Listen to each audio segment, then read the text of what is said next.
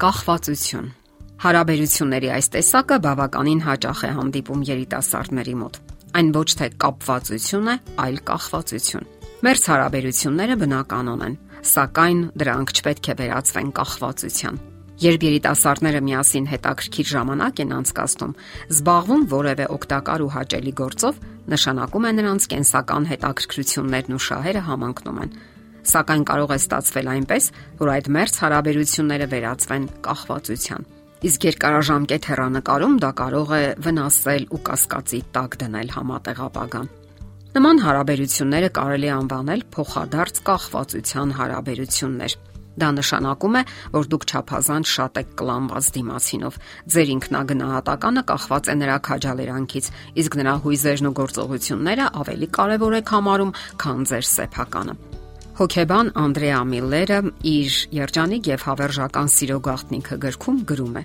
Ես կասեի, որ նման հարաբերություններում սիրո եւ լեցունության փոխարեն գերակշռում է վախն ու կարիքը։ Միանգամայն բնականon է, երբ կողմերը ցանկանում են զգալ միմյանց սատարումն ու վստահությունն այն բանի, որ իրենց հարաբերությունները եզակի եւ առանձնահատուկ են սակայն փոխադարձաբար միմյանցից կախված զույգերը անընդհատ կարիք են զգում դիմացինի մշտական սատարմանն ու քաջալերանքին։ Ընդ որում, նման հարաբերությունների տարբեր տեսակներ կան։ Մի դեպքում երկուսն էլ կարող են տարապել միմյանց հանդեպ ոչ adekvat ուժեղ կապվածությունից, իսկ որոշ դեպքերում միայն մեկը կարող է մեծապես կախվածության մեջ գտնվել դիմացինից եւ անընդհատ որոնել նրա բարեհաճությունը։ Այս դեպքում մյուսը պարզապես վայելում է իր իշխանությունը եւ վերահսկողությունը։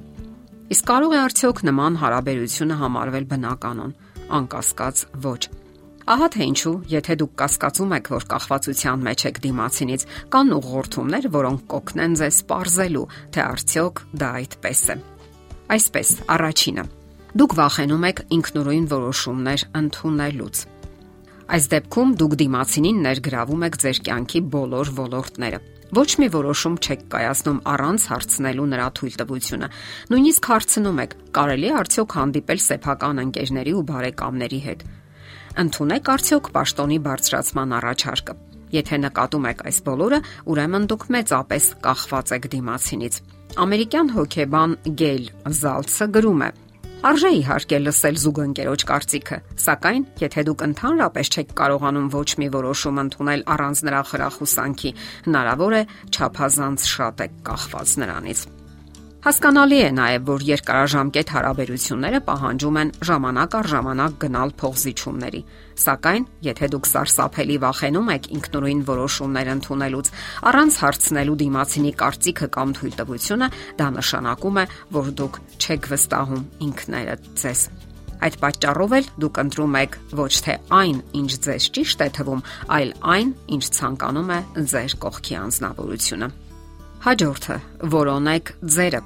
Ձգտելով ազատվել դիմացինի հանդեպ կախվածությունից, կատարեք ձեր ընտրությունը նույնիսկ մանրուքներում։ Սկզբում դա կարող է դժվարություններ առաջացնել, սակայն հետո դուք թեթևություն կզգաք։ Դուք կուրախանաք, որ կարողանում եք վայելել կյանքի առաջարկած բավականությունները, ինքնուրույն պատասխանելով մարտահրավերներին։ Եթե դուք երիտասարդական հարաբերությունների մեջ եք, անգամ հնարավոր է, որ սխալ ընտրություն եք կատարել։ Ահա թե ինչու մտածողության այդ ձևը կօգնի, որ դուք ճիշտ ընտրություն կատարեք նաև կյանքի ընկերոջ ընտրության հարցում։ Իսկ ընդհանուր առմամբ եղեք ուշադիր, որ հասարակական կարծրատիպերը չազդեն ձեր ընտրության վրա։ Դա իհարկե բարդ է, սակայն անհնար չէ եւ դա կանեք ձեր գաղափարներին ու աշխարհայացքին համապատասխան։ Իսկ սխալվելու դեպքում էլ չեք մեղադրի ոչ մեկին, այլ միայն ձեզ։ Կյանքից բավականություն ստանալու համար հարկավոր է կարողանալ ինքնուրույն որոշումներ կայացնել։ Հնարավոր է ավելի հեշտ է հանձնվել Woman 1-ի ողորմածությանը եւ սпасել նրա հրամաններին, սակայն արդյոք դա ձեզ լիակատար երջանկություն կապարքեւի։ Հազիվ թե, որովհետև կգա ժամանակ, երբ դուք կզգաք կապանքների ծանրությունը եւ այն, որ ձեր կյանքի տարիները վատնել եք, չեք ունեցել այն նշաձողը, որը իմաստ կհաղորդեր ձեր կյանքին եւ բավականություն կպատճառեր։ Ահա թե ինչու թեև դժվար է, սակայն ավելի իմաստալից ու նպատակային է ունենալ սեփական դեմքն ու կարծիքը ամենատարբեր հարցերում։ Ձեզ անհրաժեշտ է առողջ համագործակցություն։ Եթե կարիք կա որոշումներ ընդունելու, հասկացեք ձեր տեսակետը, հասկացեք դիմացինի տեսակետը եւ փորձեք գտնել ընդհանուր եզրեր, որոնք միշտ էլ գոյություն ունեն։ Կյանքը, ինչպես ասում են, միագից չէ եւ ոչ էլ միաշերտ։ Կյանքը բաղկացած է տարբեր գույներից եւ միշտ էլ գոյություն ունեն նրբերանգներ։ Համատեղ գտեք այդ միջին տեսակետը, կամ էլ եթե նկատում եք, որ դուք սխալվում եք կամ էլ դիմացինի տեսակետն ավելի առողջ է, ուրեմն ընդունեք այն։ Իսկ եթե նկատում եք, որ դիմացինը մերժում է ձեր առողջ ու սթափ մոտեցումները եւ դա parberabar կրկնվում է, ապա արդեն զգուշանալու առիթներ ունեք։ Դա նշանակում է, որ ընտրության մեջ վրիպել եք։ Քննելով ձեր կյանքը համարցակ առաջ ընթացեք։ Գտեք ձերը, այն եզակին ու առանձնահատուկը, որ միայն ձերն է։ Այն, ինչը դուք անում եք հաճույքով ու բավականությամբ։ Իսկ դա երբեք չի նշանակում անտեսել դիմացինին նշանակում է երկու կողմերի փոխհամագործակցություն։ Մարդիկ, ովքեր միմյանց մեջ տեսնում են իրենց կյանքի շարունակությունը եւ երազանքների համատեղ իրականացումը։ Եթերում ճանապարհ երկուսով հաղորդաշարներ։ Ձեզ հետ է Գեղեցիկ Մարտիրոսյանը։